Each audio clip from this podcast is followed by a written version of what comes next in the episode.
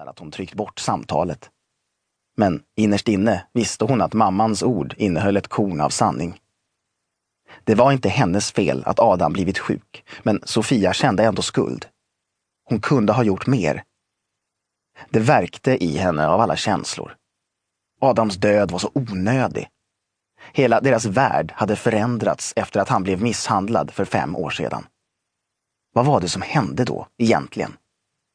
De fysiska skadorna hade läkt efter några månader, men de psykiska satt djupare.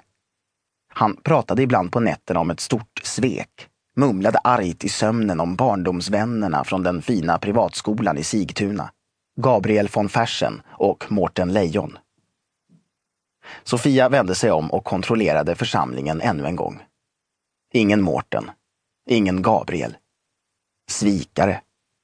De borde ha varit här i kyrkan. Sofia hade skickat en inbjudan till Hacksta slott och begravningsannonsen var tydlig. Alla som kände Adam var välkomna. En enda gång hade Gabriel kommit och hälsat på efter misshandeln. Mårten hade aldrig hört av sig och ingen verkade veta var han var. Den lilla gruppen sörjande reste sig upp. Sofia tog Gunillas hand. Prästen läste upp trosbekännelsen med tunn röst. Vi tror på Gud Fader allsmäktig, himmelens och jordens skapare. Vi tror och på Jesus Kristus, hans enfödde son. Best story ever told, tänkte Sofia.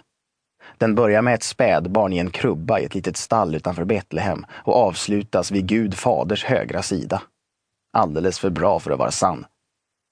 Sofia andades djupt och slutade gråta. Det var tid för avsked. Hon gick fram till kistan och lade dit en röd ros.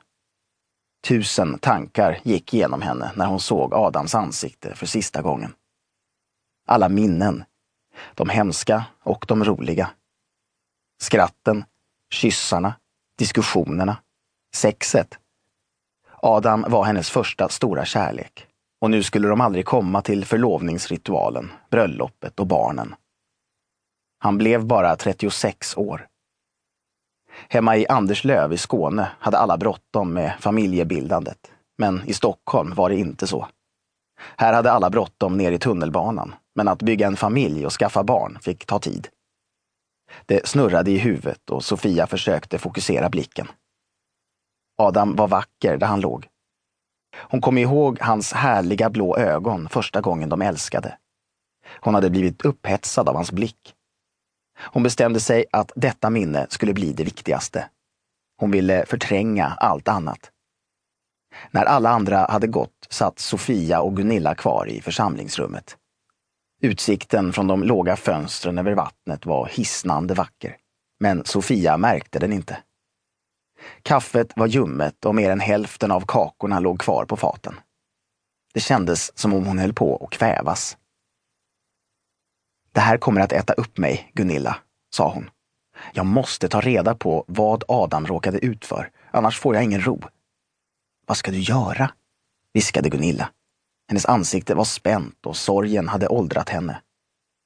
Jag ska göra det som Adam brukade göra när han var som bäst. Vända på alla stenar. Gunilla nickade och tittade ut över vattnet. Hur kan du vara så säker på att hitta något?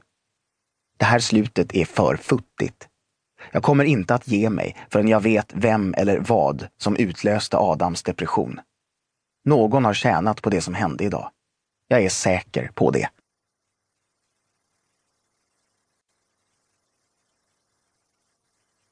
Två. Örlings fondkommission, centrala Stockholm. Gabriel von Fersen stirrade på skärmen. De röda siffrorna dominerade. Index var på väg ner. Sämst gick GlaxoSmithKline, en läkemedelsaktie. Företagets tusentals forskare hade för tredje gången fått ett nej från amerikanska läkemedelsverket, FDA. Patentansökan avslås ännu en gång, meddelade nyhetsbyrån Bloomberg. Världen skulle troligen inte få se en supermedicin mot depression. Tre avslag på lika många år innebar i praktiken ett nej för evigt. Nu insåg marknaden att det var hög tid att fly och det globala företaget föll ihop som ett korthus.